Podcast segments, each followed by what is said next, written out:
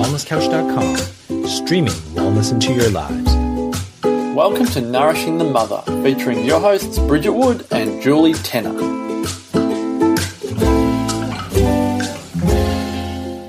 Hello and welcome to Nourishing the Mother. I'm Bridget Wood. And I'm Julie Tenner. And today we uh, have got a special one. We're interviewing Alison Armstrong, the author of the book The Queen's Code, which Julie and I just love on constantly. Um, it's an incredible book which is really around understanding men and understanding the masculine.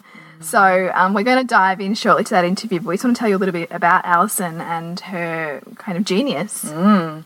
So, Alison Armstrong is an author, an educator, and creator of the widely acclaimed Queen's Code workshop series, which asks the questions What if no one was misbehaving, including you? She explores the good reasons behind the behaviour of men and women, such as fundamental differences in the way we think, act, and communicate. She offers simple partnership based solutions to improve our communication and intimacy by honouring ourselves and others. She's known for her insight, sense of humour, and ability to articulate the human experience and predicament of gender which is totally what this whole interview was. Mm. We're recording this after having just had the interview with Alison, and we both were just tickled pink by her just vivaciousness and lusciousness mm. and ability to really articulate huge concepts in really bite-sized chunks. And what I really loved was how much she articulated a lot of what we talk about, but in mm. her own language, which just gave another layer of understanding for me. I loved it. Yeah. So and to really be able to focus on witnessing the king in the men that are around you and the queen within yourself mm. and the women that are around you and how that flows in a relationship dynamic, in a partnership, in your mothering, in just your self expression. Mm. So, we dive into all of those things in this upcoming interview, and we really hope you enjoy it. Yes. So, today we are speaking with Alison. Alison, welcome. Thank you. So, Alison, where we really come from is the perspective that it is entirely possible to feel lush in a long term relationship and in motherhood and that really the key to this is honoring yourself by putting back in, awakening what's there.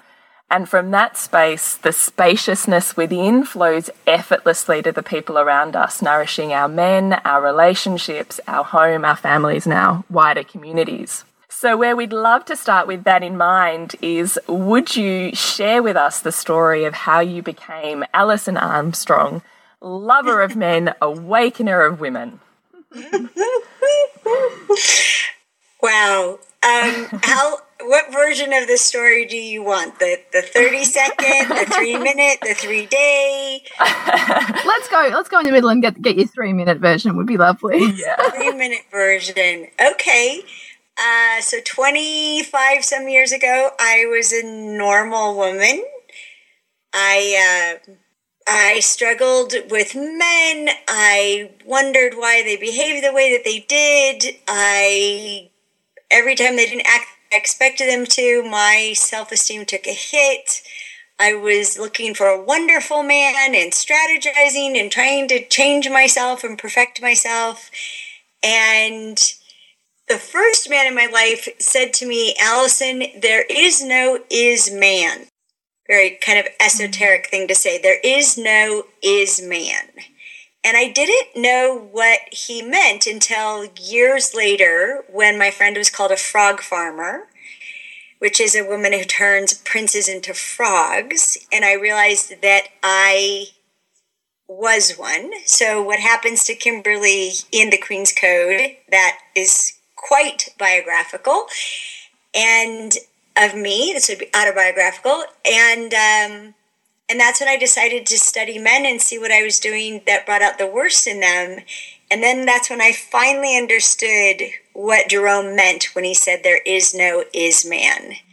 That men are not some kind of fixed entity before us and we pick them out of a Sears catalog with you know ready-made characteristics that we actually inspire them or antagonize them or bring out the best in them or bring out the worst in them just like people do with us mm-hmm. and i started out wanting to know how i brought out the worst in them with the hope that i might be able to learn something that would bring out the best in them and just like karen and kimberly in the queen's code i was shocked at who men became when I just stopped antagonizing their most fundamental instincts and characteristics. I, I couldn't believe how wonderful they were when I basically just stopped kicking them. mm. uh, before I ever started petting them, when I just stopped kicking them. And uh, I started seeing women through men's eyes. That's how I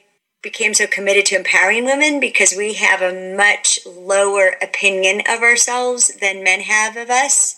Mm. We take who we are for granted. We our own magic and magnificence is pretty much invisible to us and we keep being mad at men for not acting like women instead of appreciating that there really is something extraordinary about women that's completely different than what's extraordinary about men.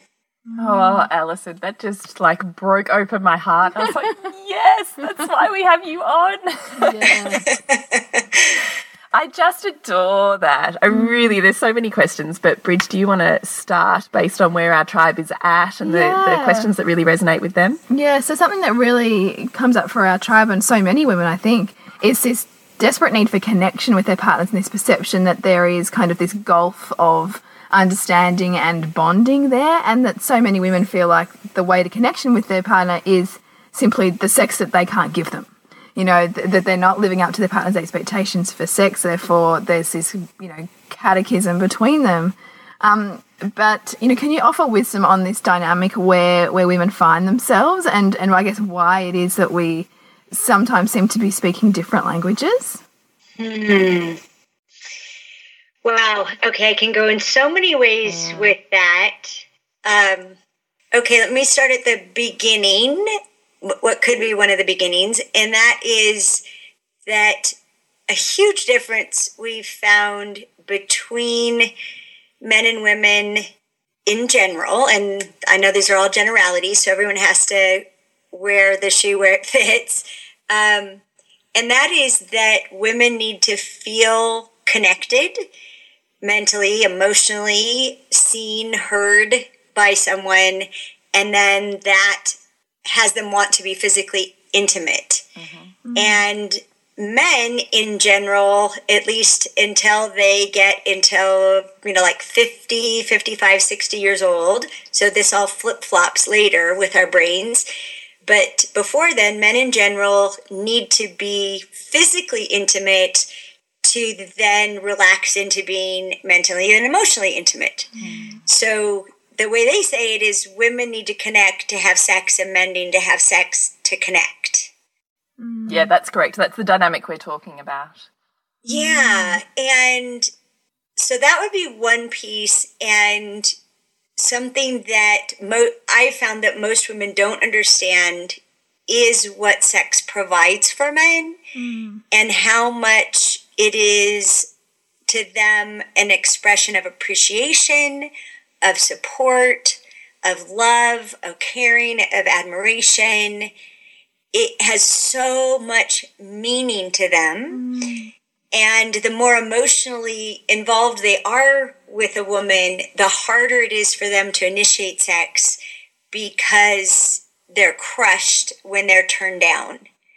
Mm. So they they watch very very closely for the signs that she is a yes and and that's really hard because in general women's lifestyles bleed off or steal or drain our our sexual energy our sensual energy our our desire to be physically intimate. Our lifestyles mostly um, de- deplete that from us. And especially when we're moms um, oxytocin, which there's so many studies on these days, I can't even keep up with them. Mm. But the foundation of it is that for millennia, as gatherers, herbs and seed heads and berries and grinding grains and scrubbing things, um, all this rhythmic hand motions that we did in a, the course of our daily lives, that builds oxytocin and then caring for other people spends oxytocin and physical affection and hugging spends oxytocin, and sex and it spends oxytocin, and orgasm spends even more oxytocin.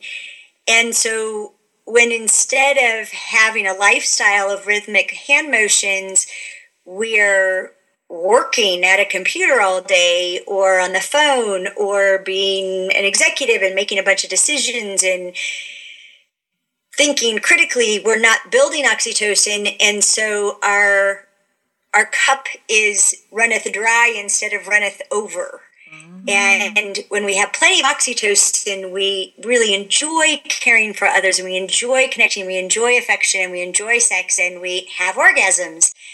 And so because our lifestyles don't naturally build that in us, we instead are tired and withdrawn, and the idea of sex can actually give us a feeling of dread because when you overextend your oxytocin account, you end up emotionally depressed and mm. depleted, and it it can make you just want to cry.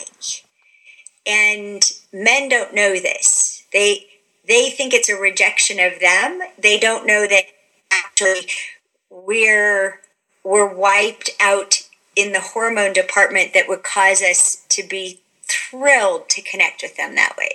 Mm. Gosh, I love that explanation as almost like a, a tab or a running total of this oxytocin in and out and the cycle of that.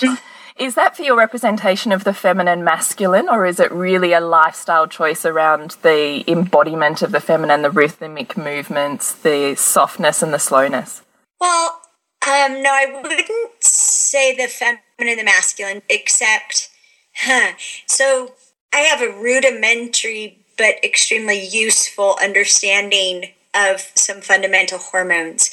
And John Gray was the person who taught me about build and spend cycles, and that most research is focused on when there's levels of hormones in the blood, which means they're being spent.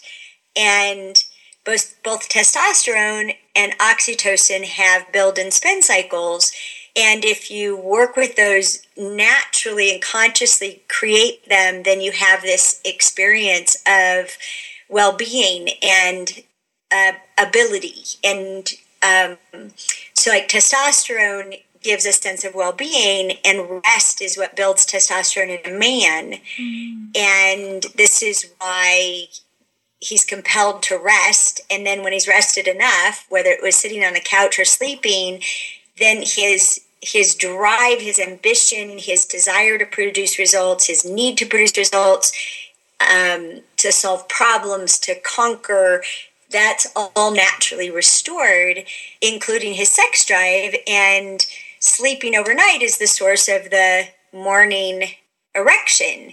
And it's all a natural building of testosterone cycle. And one of the things that men and women don't know is that when a man has built testosterone and now has this drive to produce results, if he is not allowed to produce a result. Like a woman says, honey, just listen, don't solve my problem. That he's being biologically emasculated. He has a, he has an enzyme called aromatase that will convert his testosterone into estrogen. And he'll sit there like with ants in his pants because he can feel in his body that he's being diminished, that he's his sense of well-being is being weakened by the just by that he's not allowed to do what he's just built the fuel for. Does, that make sense? Yeah, it's actually perfect because it leads on to our next question, which was in your book, the term castration or emasculation of men. Could you explain that for our listeners? Because that was probably the most profound thing that Bridget mm. and I mm. kind of discussed after we both read your book. It was like groundbreaking yeah. for us. And we would love to really break that open because I would guess that it's a new term for a lot of our listeners. Mm. Okay. Yeah, I'm happy to. And if we could just put a pin in something I'd like to come back to that what you said, Bridget, set off for me. And that is the work that I'm doing lately on what I would say is the difference between relationships and partnerships mm. and how to convert a relationship to a partnership which I think is it's what men naturally are seeking and what women crave but may not know it. um, so if we could put a pin in that for me to come back Yes, to, then I can to. go on to emasculation, or we can do that first, whichever you want. Why don't you do it first, since it's on the tip of your tongue, and Yeah. let's let's delve into it while we're there and we're in that energy. What do you think? Okay. So, um, the way that I've been thinking about it in the last six months or so is if you if you look at relationships, the the definition of relationship is an instance of being related. There's no such thing as a relationship. There's just these moments of relatedness. And in every moment of relatedness, which we then string together in our mind into a thing. But every moment of relatedness is a moment where we could arrive anywhere on a spectrum from our expectations being completely disappointed to com- exceeded beyond our wildest dreams. And and anywhere in the middle so you know somewhere right in the middle where our expectation is just met it's fulfilled and if you look at from moment to moment what we're expecting and whether it's being disappointed or exceeded, there's two sets of expectations happening and we're monitoring both. So if the other person is exceeding our expectations, that's going to give us an experience of them.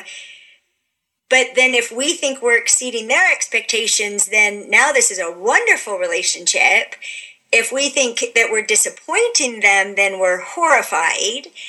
And vice versa, if we're exceeding theirs but they're disappointing ours, right? So it's it's two sets of expectations and how are they occurring and how are they lining up with each other that gives us our experience of a relationship and how you describe a relationship. And are you with me so far? Yes, Yeah. we are. Keep going. And as you know from the Queen's Code, what happens with both men and women is our expectations are created in a large way by expecting someone to be like us. That a man is a kind of woman, a woman is a kind of man. And so that sets up for a lot of disappointment in our expectations. And then the other hard part is that expectations, they're like viruses. So they, every expectation breeds another expectation. So if someone is disappointing your expectation, that can create the expectation that they'll keep disappointing it or that they're going to try hard to make up for it, mm. right? Or if they exceed your expectations, that can create a brand new expectation that they're going to keep mm. doing that. Like I notice my husband does things that totally surprise me that I never would have thought of him doing. And then if one day he doesn't do it, I get mad at him. So the whole expectation realm is it's like a sewer. And and so to me the the real game is how do you convert your expectations into the foundation of partnership which is accountability. So instead of expecting it of me tell me what it is you need from me and ask me if i'm willing to be accountable to you for providing that and what do I need to to do that and to win at that? What do I what do I need you to be accountable for? For me to be accountable for giving you what you're asking me for. And that conversation is what creates partnership about that thing. And that's really what I want for couples in the area of sex. That we're not having sexual relationships with these trodden expectations, that we have sexual partnerships where we where our partner can count on us for certain things. And we take care of ourselves in a way to be able to provide what we have promised our partner. So we move out of expectation into something much more out loud grown up mature agreed upon and a much better chance of, of winning at it That's fascinating. So I'm wondering, I feel like for a lot of women that would be a huge leap. And at the end, we're going to get you to tell us everything about how everyone can get into contact with you and jump on any of these courses or books that really help them in their relationships and diving into this. What I think could sound initially scary for our listeners is that concept of, oh my God, how do I actually even start that, this process of working out what I'm accountable for, or how do I have that conversation, or and all these this awkwardness that comes with that, would you have any wisdom on how to start that process for women entering this sphere of awakening their relationship? Mm. Yeah. Um, the good news is that this is a natural way for men to interact. Mm. They are naturally and they're naturally really careful about committing to things that they think they can succeed at. So they they're really interested in this. And a great way to start a conversation in like the couples that you're talking about is actually to interview your partner and ask them what do you what do you count on me for and put the imaginary duct tape over your mouth and listen and listen and listen and listen and listen. It will blow it will blow your mind what they count on you for. Like oh my gosh, to find out who you are for them is it's very beautiful. And then and then you can ask the question, is there something that if you could count on me for that, it would deepen or expand our partnership? It, it would make a difference for you. And then again, put the duct tape over the mouth, wait for the well, let them think and think and think.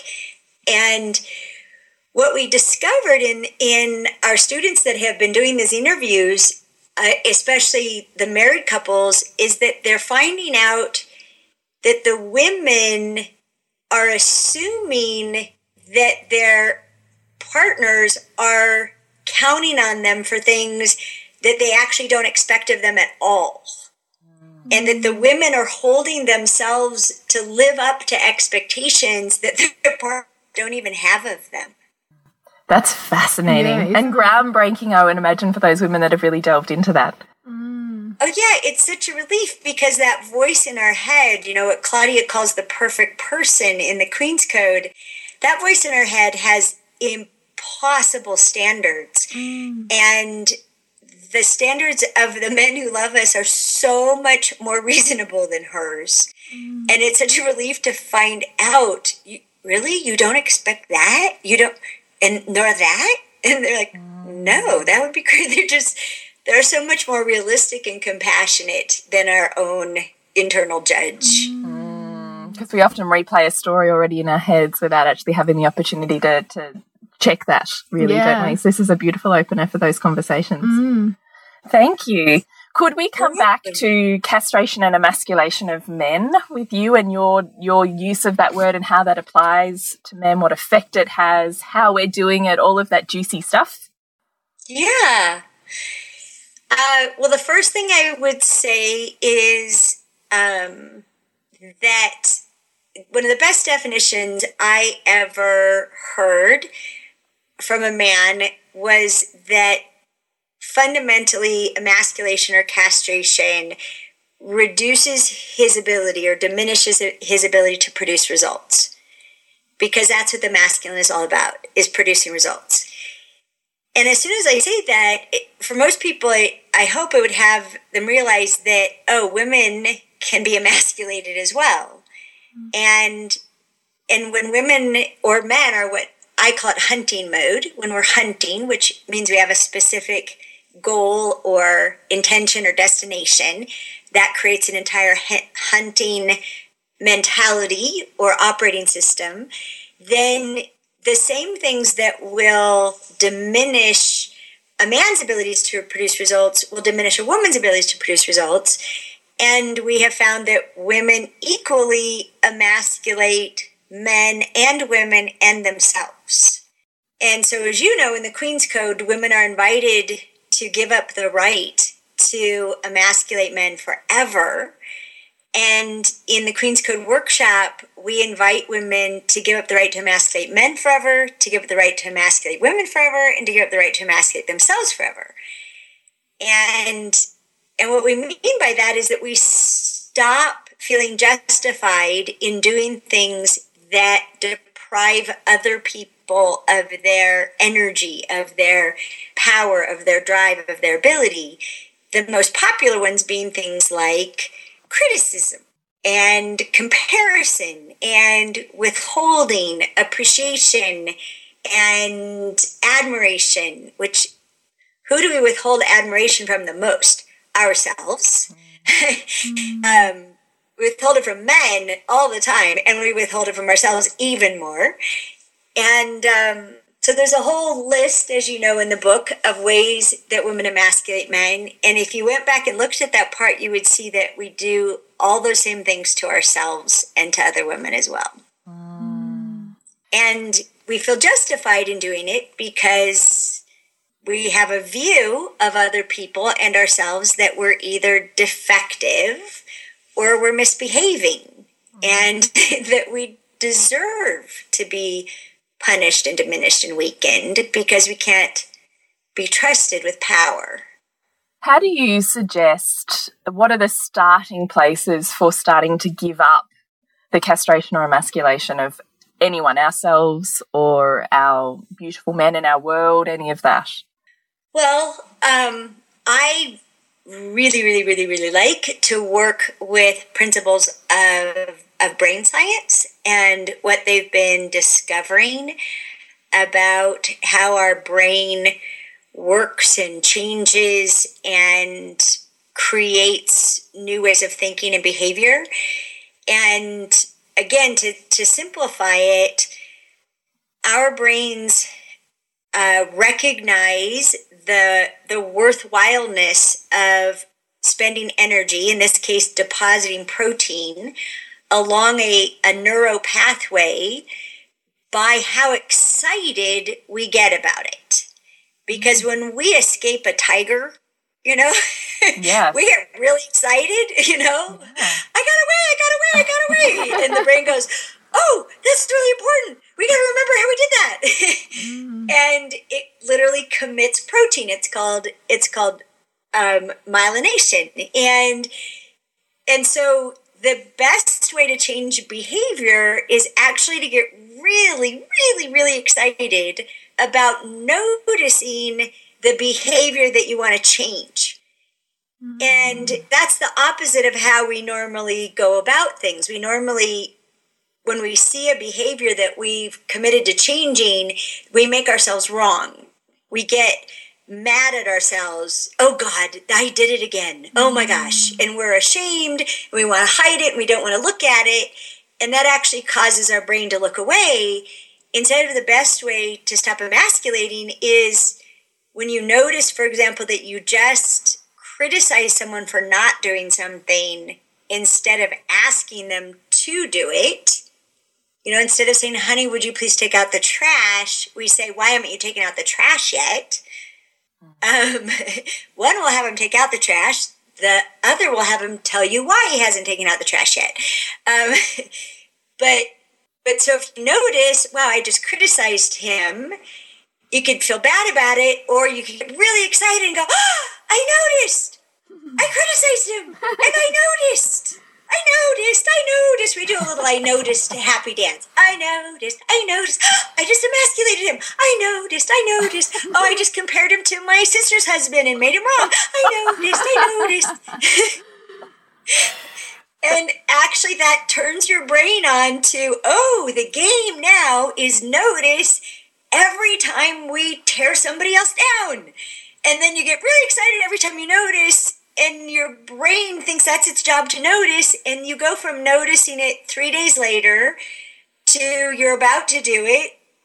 You know like you're in the middle of doing it. You just did it. You're in the middle of doing it. You're about to do it. And wow for a week you haven't even thought about doing it. Mm-hmm. and that's how your brain actually creates a whole new behavior starting with getting really excited about noticing the old behavior because we do the old behavior unconsciously it's like mm. jumping on the freeway. To I don't know if you have freeways in Australia, highways, freeways. No, we do. We have both. We have both. What do you call them? Yeah, freeways. Absolutely. Okay. So your brain has these freeways that when you're not paying attention, it just jumps on a route that it's used to and everybody I think has experienced this. You you end up going to the place you are, always go instead of the place you wanted to go. Mm. Your your brain will do that automatically, and so most of the emasculation that women do, they don't even notice that they did it. Mm. I I love that yeah. as a toolkit just for life. That's incredible. Mm. Oh my goodness. Um, what I really noticed as well that really, with reading your Queen's Code book, really shifted my perspective of how I looked at all of the men and women around me was being able to really witness the hero within a man or indeed the queen within a woman. Why do you hmm. think it is that we're so unaccustomed to attuning to that? Hmm. Well, we have this voice in our head people call it different things. I call it the ideal woman. Claudia calls it the perfect person. You might wonder why a character in a book I wrote I would talk about as a different person than me. but it really does occur like she exists independent of me and talks differently than I do and thinks differently than I do and things that she said in that book as it flowed out of me I actually watched it as if it was a movie playing. Ah. Same with Keys of the Kingdom. They were there was movies playing, and I was writing as fast as I could, and they characters shocked the heck out of me. Um, I love that. Mm. Yeah, yeah, it was phenomenal, phenomenal process, and uh, every once in a while I check in with the characters to see what's happening, and they are showing me bits of the next book, and um, so I just keep letting it gestate and not take over my life yet. But but we we have this voice in our head, and it's a it's I, it's what I would call hardwired. It's part of uh, our mechanism. It in my own daughters, I watched that voice turn on when they were about mm, seven years old. Before then, they were just happy. and and then the voice fired up and that voice is is part of how we survive. It thinks that when we're perfect just the right amount of perfect you, you don't want to be too perfect because then other women will ostracize you and you'll die. So you have to be just the right amount of perfect the per, you have to be the perfect amount of perfect which is not too perfect. Mm. try to walk that line. Mm. and and that voice is constantly watching and judging and and trying to point out how to do it better, be better, so that we can be liked and accepted and therefore protected and provided for and saved and rescued. And it's all herd behavior. It's all very primitive. And um, and that voice judges us and it also judges everybody else. So everyone's behavior is as compared to what the perfect person would have done in that situation. So you can see it goes back to the expectation conversation, mm. right? Yeah. And uh, that behavior, that the problem with that voice is that voice uh, it has a way of disguising itself so that we actually think that we're thinking that. Mm. And therefore, we should act on what we're thinking instead of maybe we have a crazy perfectionist in our head mm. that it should be relegated to advisory board and stop having a vote. I love that explanation. Mm. Um, in the book, just moving on, in the book, you talk a lot about how men are wired to provide. Um, can you discuss your recipe for telling a man what you need so that they can be that? Mm. Hmm. Um, I think one of the ways for women to recognize this, especially since we're talking about being mothers, and I'm a I'm a mother, and I was just talking to my husband about what we're compelled to provide for our children, who are all adults now, and we're still completely compelled to provide for them. Mm. It, it's just natural to provide is a natural expression of who they are and of their sense of strength and, a, and abundance. they feel very privileged to be able to provide for someone other than themselves. Um, it, it's kind of a source of um, sometimes even shame when they can't provide for others. That they, I've heard men say, "I have no business getting married. I can only, pr- I can't even take care of myself," and they're they're ashamed that they don't have an abundance where they could take care of themselves and other people. And um, the thing is that both men and women project onto other people what they need. So, for example, this is why men will keep a woman up all night making sure she has an orgasm. he, he assumes she needs that. She has to have that because that's where the release comes for him and and and so he's driven to produce that result for himself and he'll be driven to produce that result for her. And going back to the first conversation if a woman doesn't have enough oxytocin built up she can't even have an orgasm and she'd probably much rather be asleep. Mm. and uh, it's the source of me telling men you could probably have more sex if your wife could have fewer orgasms. That's quite the paradox it is it's a paradox like you know honey can we can we have sex that depends. Do I have to have an orgasm? no. No, you don't. Okay, well, then we can have sex. um, as long as my orgasms are my choice and not yours, we can have sex as much as you want. Um, it took me a long time to have my husband understand that. And. I would say that we are finally, after 25 years of being together, in the last year, it's finally locked into him that that is a kindness for me wow. to wow. for me to get to decide if that's a goal or not. It's it's a mm. it's something I have to keep talking to them about. So the the point of this is that men are always trying to provide for us and they're deciding what we need just like as moms, we're compelled to provide for our children and we decide what they need. Mm. And we are compelled to provide for our husbands and we decide what they need. And then we're really upset when they don't appreciate us giving them what we decided they needed. I love that. I love just, how you brought that to motherhood because that makes so much sense when you put it in those terms. Mm, it really does. Oh my gosh oh my gosh, a, a turning point in my husband's life was when he was talking about his frustration in providing for our youngest daughter. And I was trying to tell him what she most wanted him to provide. And he was arguing with me that it wasn't true.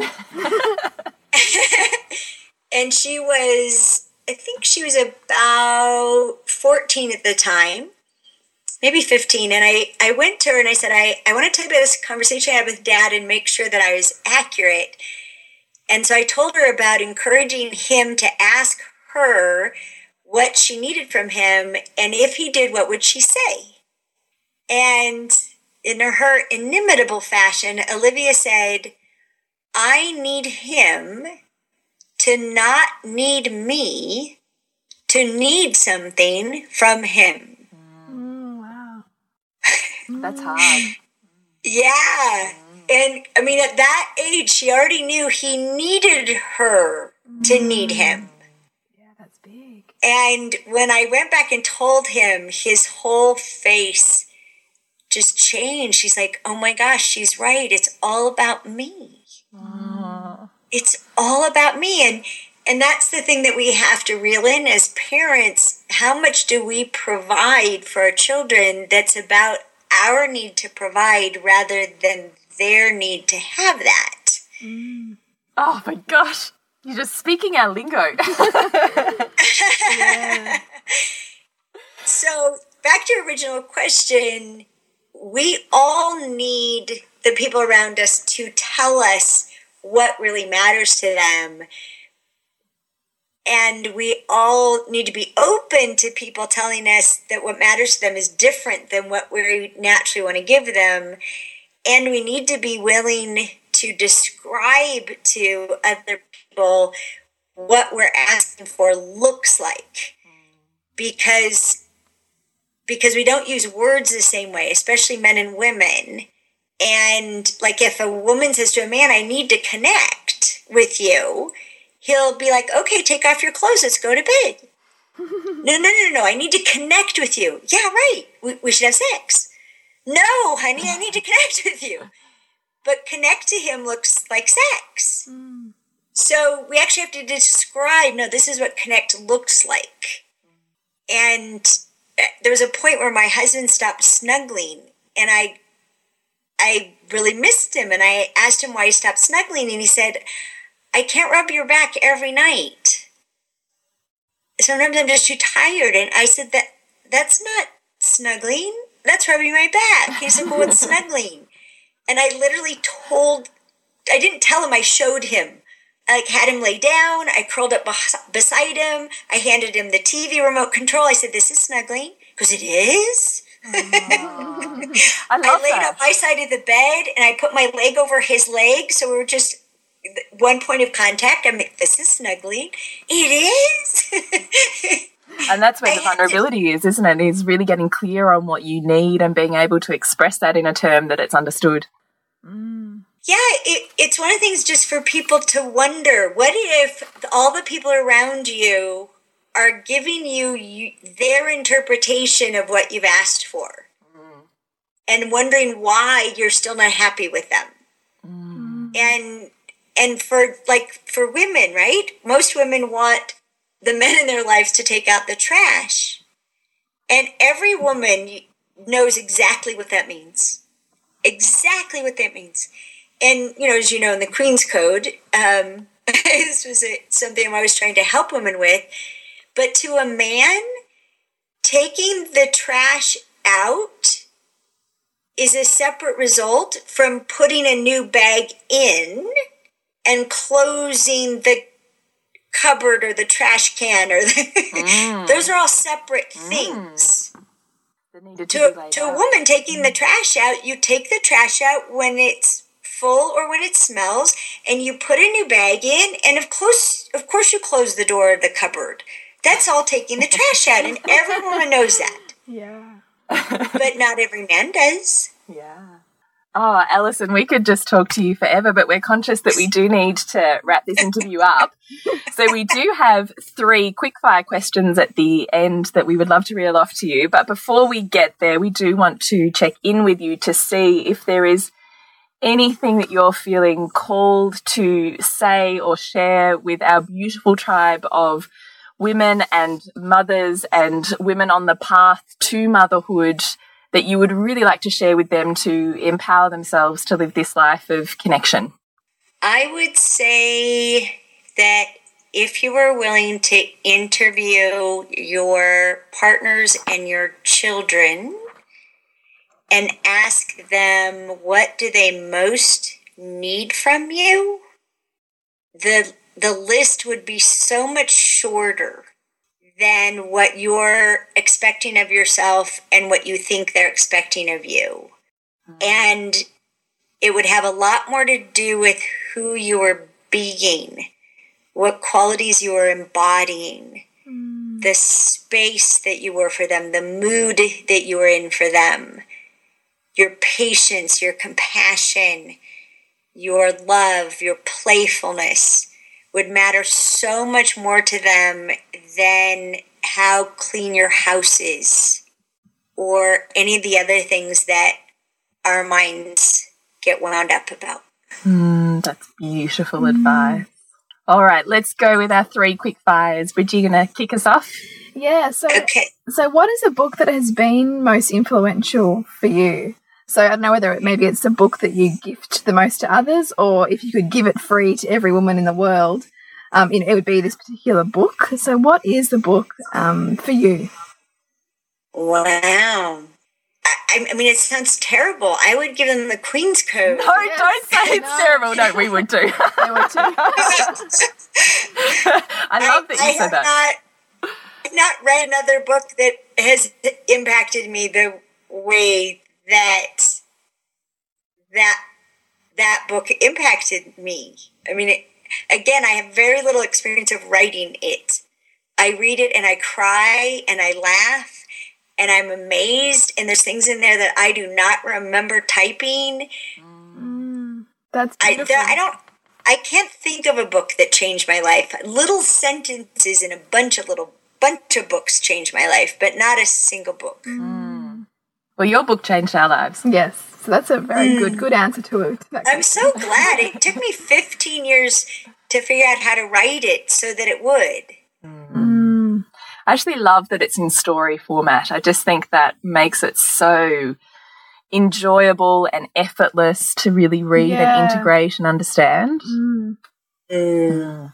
So, question number two Can you recall an epic fail in your life and walk us through the aftermath or the learnings out of that for you? Because we really come from the perspective that our greatest challenges have been our greatest teachers. And that it's actually those darkest or deepest, most difficult times that really have shown us who we are or our soul or, you know, however you want to take that. Two types of fa- failures. Um, one is is in our in our company when I I failed to know and understand and foresee certain things that put our enterprise and our commitment to our mission and changing the world in danger. And that was a very, very dark period in my life, but very useful and illuminating period in my life. And I would credit Mary Morrissey um, of helping me during that time of Dream Builders. She did a talk called What Happened on Saturday um, about she's a minister, so she talked about Jesus being crucified on Friday, which is very common in his time, but resurrected on Sunday, which was not common. So she wanted to know what happened on Saturday in the dark. Yeah. and and from her I was really encouraged to to be willing to spend time in my Saturday with my lessons and my soul searching and not try to rush out of it as quickly as possible. Um, the other failure, which to me is even more poignant, is really my only regret in my life, and that is in my dedication to our workshops and our message and our learning. I I thought my kids didn't need me. I thought that what their dad provided for them was sufficient. And and I was gone a lot. And it's the only regret I actually have about my whole life is how much of their childhood I wasn't there for them. And if I was going to do it all over again, I would have somebody else be on the road leading all those workshops while I was at the park with my kids. Mm. That's deep. If you could have a billboard on any major highway or freeway in this world, what would it say?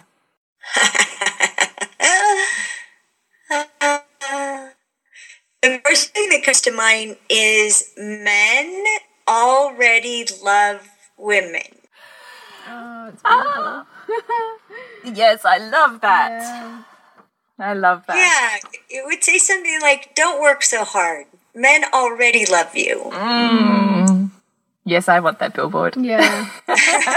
we, we, I think we, we all need to drive by that freeway daily, don't we? Yeah, yeah. So, Alison, we have utterly adored having you, and what we would really love now is for you to please share how our listeners can get into contact with you, what scope you offer for learnings for them. So, just to really give a complete wrap of how we can connect with you.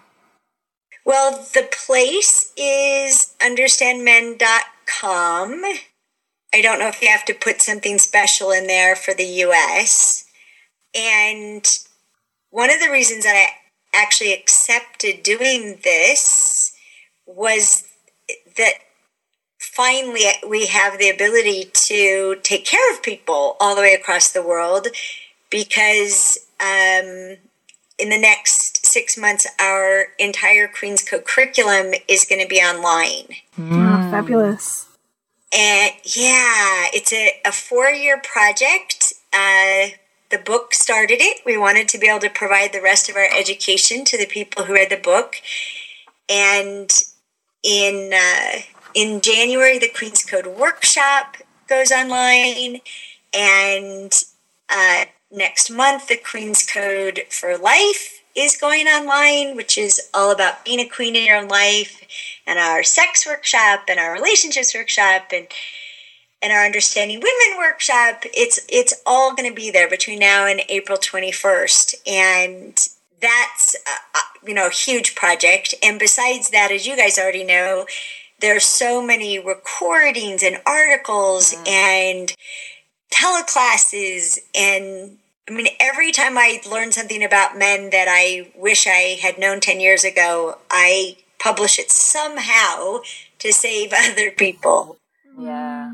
It's such a gift. Yeah, so I would encourage you go there and I mean you could start on free stuff. You could probably spend 3 days at free stuff. So understand men. watching, reading. Mm. Yeah, that's what we've done. We've totally trolled. yeah. So understandmen.com. Yeah. And we'll put all of those links in our show notes and they'll be sent out to our tribe as well. So, Alison, thank you so much for your time and your wisdom today. We have utterly adored this process. We love your book. No doubt you will see many of us in your uh, upcoming online space. Yes. Thank you so much, Alison. You're welcome. My pleasure. Thanks for supporting moms. Yeah no more important job in the world. You're the only one that can do it for your kids. Mm. It's totally true. Lead the way. Mm. Okay, so that's the interview with Alison Armstrong, the author of The Queen's Code, mm. and you can get in contact with her at understandmen.com what we both loved was just the ability to dive into these interplays and dynamics, yeah. the ease with which Alison speaks with this huge body of wisdom, which just I feel like just opens your heart and mm. your soul all at once. Mm. And we would really love for you to share this episode, you know, in particular with women who are really at this point of really wanting to awaken themselves and their relationships. Yeah. We would love for you to share it on your socials to really get the word out there and definitely comment. We love to be able to really integrate this with our mm. tribe, open up questions, delve into them. Yeah, if you if, if there were any penny dropping moments for you, because there mm. were for us, yeah, and um, we'd love you to comment and share because it, it keeps the conversation going and keeps the depth of learning going. That's exactly right. Mm. So on our Facebook, it's Nourishing the Mother, and we would love to hear from you. And online, it's nourishingthemother.com.au. Yes. And for you, Bridget? Suburbansandcastles.com. And you, Jules? Thepleasurenutritionist.com. And we'll see you next week when we continue to peel back the layers on your mothering journey. This has been a production of TheWellnessCouch.com. Check us out on Facebook and join in the conversation on Facebook.com forward slash The Wellness Couch. Subscribe to each show on iTunes and check us out on Twitter. The Wellness Couch, streaming wellness into your lives. Whilst the Wellness Couch presenter endeavor to provide accurate and helpful information to their listeners, these podcasts cannot take into account individual circumstances and are not intended to be a substitute for health and medical advice from a qualified health professional. You should always seek the advice of a qualified health professional before acting on any of the information provided by any of the Wellness Couch podcasts.